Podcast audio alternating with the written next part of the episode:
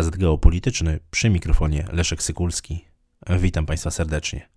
21 września 2022 roku prezydent Władimir Putin podpisał dekret o ogłoszeniu częściowej mobilizacji w Federacji Rosyjskiej.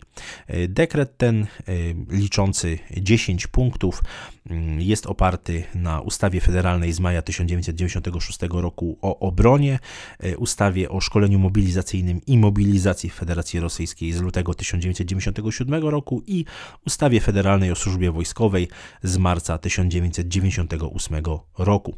Do publicznej wiadomości podano 9 z 10 y, punktów tego dekretu. Jak twierdzi Dmitrij Pieskow, rzecznik Kremla, niejawny punkt siódmy ma określać liczbę obywateli rosyjskich podlegających mobilizacji. Siergiej Szojgu publicznie poinformował, że chodzi o 300 tysięcy rezerwistów różnych specjalności, natomiast no, konkretów oczywiście tutaj nie podano i, i ofic oficjalnych danych, jeśli chodzi o liczbę mają, mających być powołanymi rezerwistów, też, nie, też oczywiście nie podano.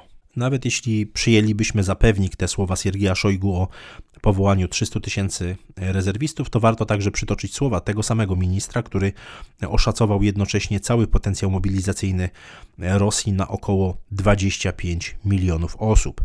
Warto także przytoczyć kilka, kilka danych, które mówią chociażby o tym, że co roku zasadniczą służbę wojskową w Federacji Rosyjskiej kończy około 200 tysięcy y, osób.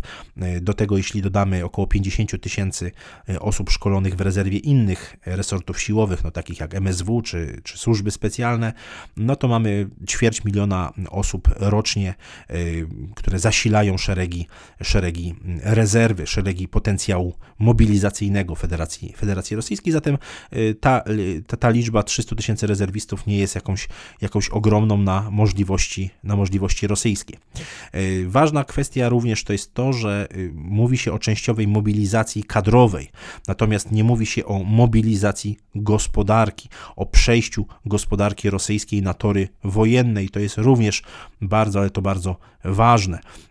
W pierwszej kolejności mobilizacja ma objąć żołnierzy i podoficerów e, poniżej 35 e, roku życia, oficerów młodszych, czyli do stopnia kapitana e, poniżej 50 roku życia i pułkowników, pułkowników kapitanów pierwszej rangi poniżej 60 roku życia, także podpułkowników i kapitanów drugiej i trzeciej rangi poniżej 55 roku, roku życia.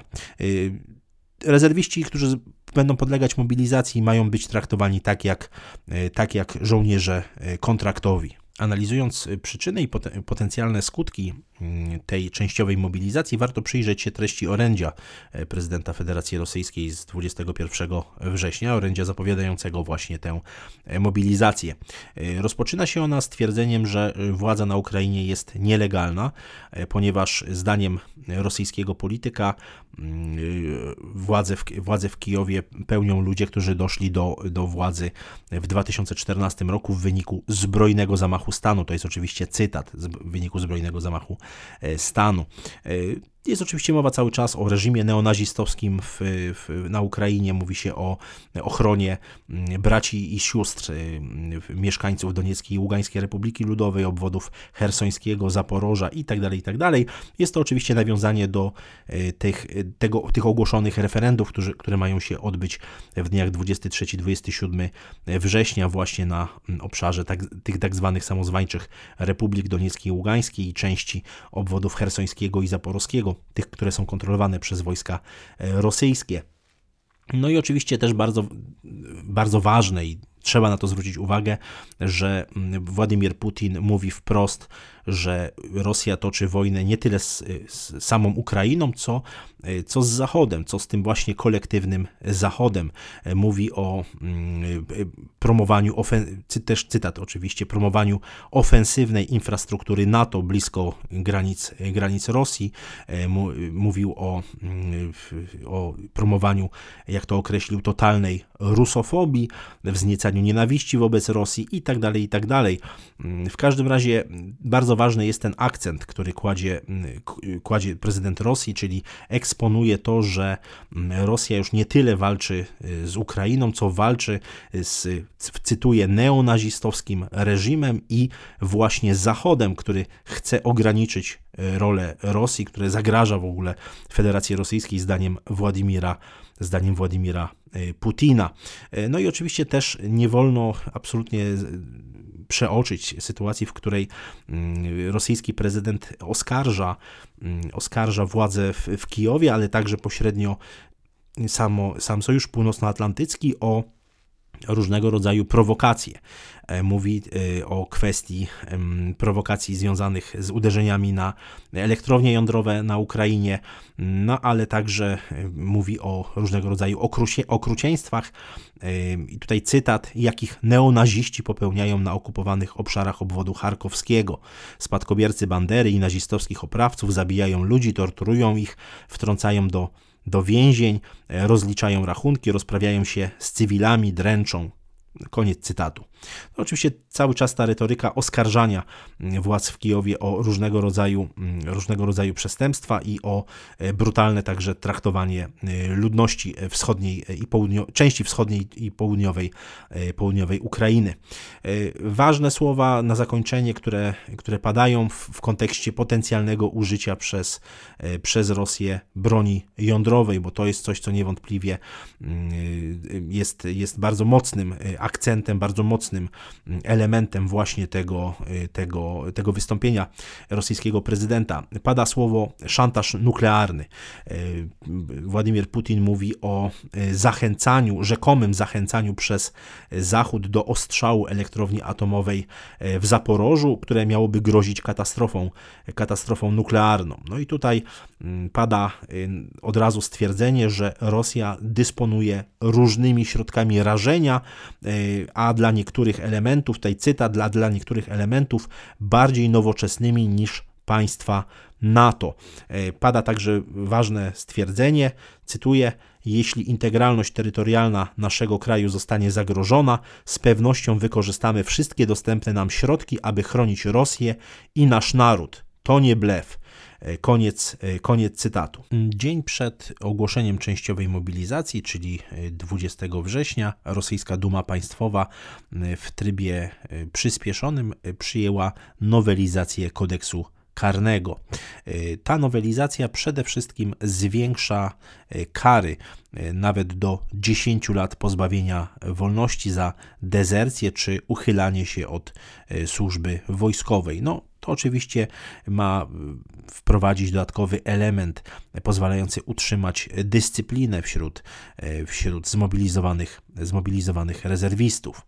Tę wprowadzoną mobilizację, częściową mobilizację oczywiście warto wiązać z referendami, które są planowane w, naj, w ciągu najbliższych dni na terytoriach zajmowanych przez siły zbrojne Federacji Rosyjskiej. No i oczywiście, jeżeli dojdzie do formalnej aneksji tych, tych okupowanych terytoriów Ukrainy, to to oznacza, że Rosja będzie mogła właśnie mając, mając te tereny w swoich granicach, oczywiście w świetle swojego prawa i, i, mając tę częściową mobilizację, będzie mogła zmuszać do udziału w walkach całkiem sporą liczbę żołnierzy poborowych i oczywiście powoływanych do służby, do służby rezerwistów.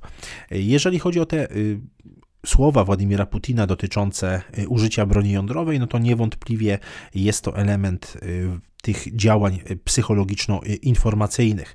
Wiemy doskonale, że w, w, sporej części establishmentu krajów zachodnich, ale także wśród oczywiście przeciętnego, przeciętnych ludzi, społeczeństwa istnieje całkiem spora obawa przed eskalacją tego konfliktu, eskalacją do wojny pełnoskalowej, która mogłaby się rozlać na inne państwa, no jak i oczywiście do rozlania się tego, tego konfliktu, czy do wejścia tego konfliktu na poziom jakiejś formy y, wojny nuklearnej, chociażby ograniczonej tylko i wyłącznie do taktycznych y, pocisków y, jądrowych, taktycznych ładunków jądrowych, no to jednak rzeczywiście użycie broni jądrowej byłoby w XXI wieku, czy w ogóle no, byłaby drugim użyciem broni jądrowej w historii w działaniach, w działaniach bojowych po roku 1945.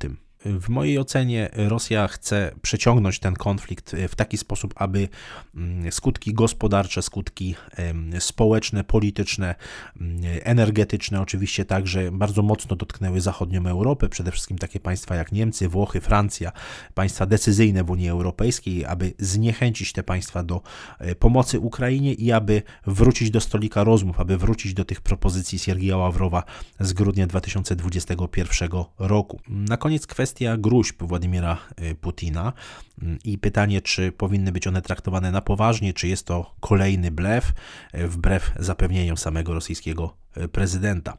Myślę, że warto zacytować mm, wiceminister spraw zagranicznych Wielkiej Brytanii, Gillian Keegan, która y, określiła ogłoszenie przez prezydenta Putina częściowej mobilizacji niepokojącą eskalacją wojny, wojny na Ukrainie. Natomiast te groźby, łącznie z tymi groźbami użycia broni jądrowej, zdaniem Gillian Keegan, Keegan cytuję, powinny być traktowane poważnie. Koniec cytatu. W mojej ocenie również nie wolno lekceważyć y, tych y, słów rosyjskiego prezydenta, zwłaszcza po 24 lutego 2022 roku. Warto także mieć na mm, horyzoncie y, strategicznym zachowanie i postawę takich państw jak Niemcy czy Francja i ich dosyć dużą powściągliwość, jeśli chodzi o wsparcie militarne dla Ukrainy, biorąc pod uwagę kulturę strategiczną tych państw i ich niechęć do właśnie eskalowania napięcia i do wchodzenia na na kolejne szczeble e, drabiny eskalacyjnej. No myślę, że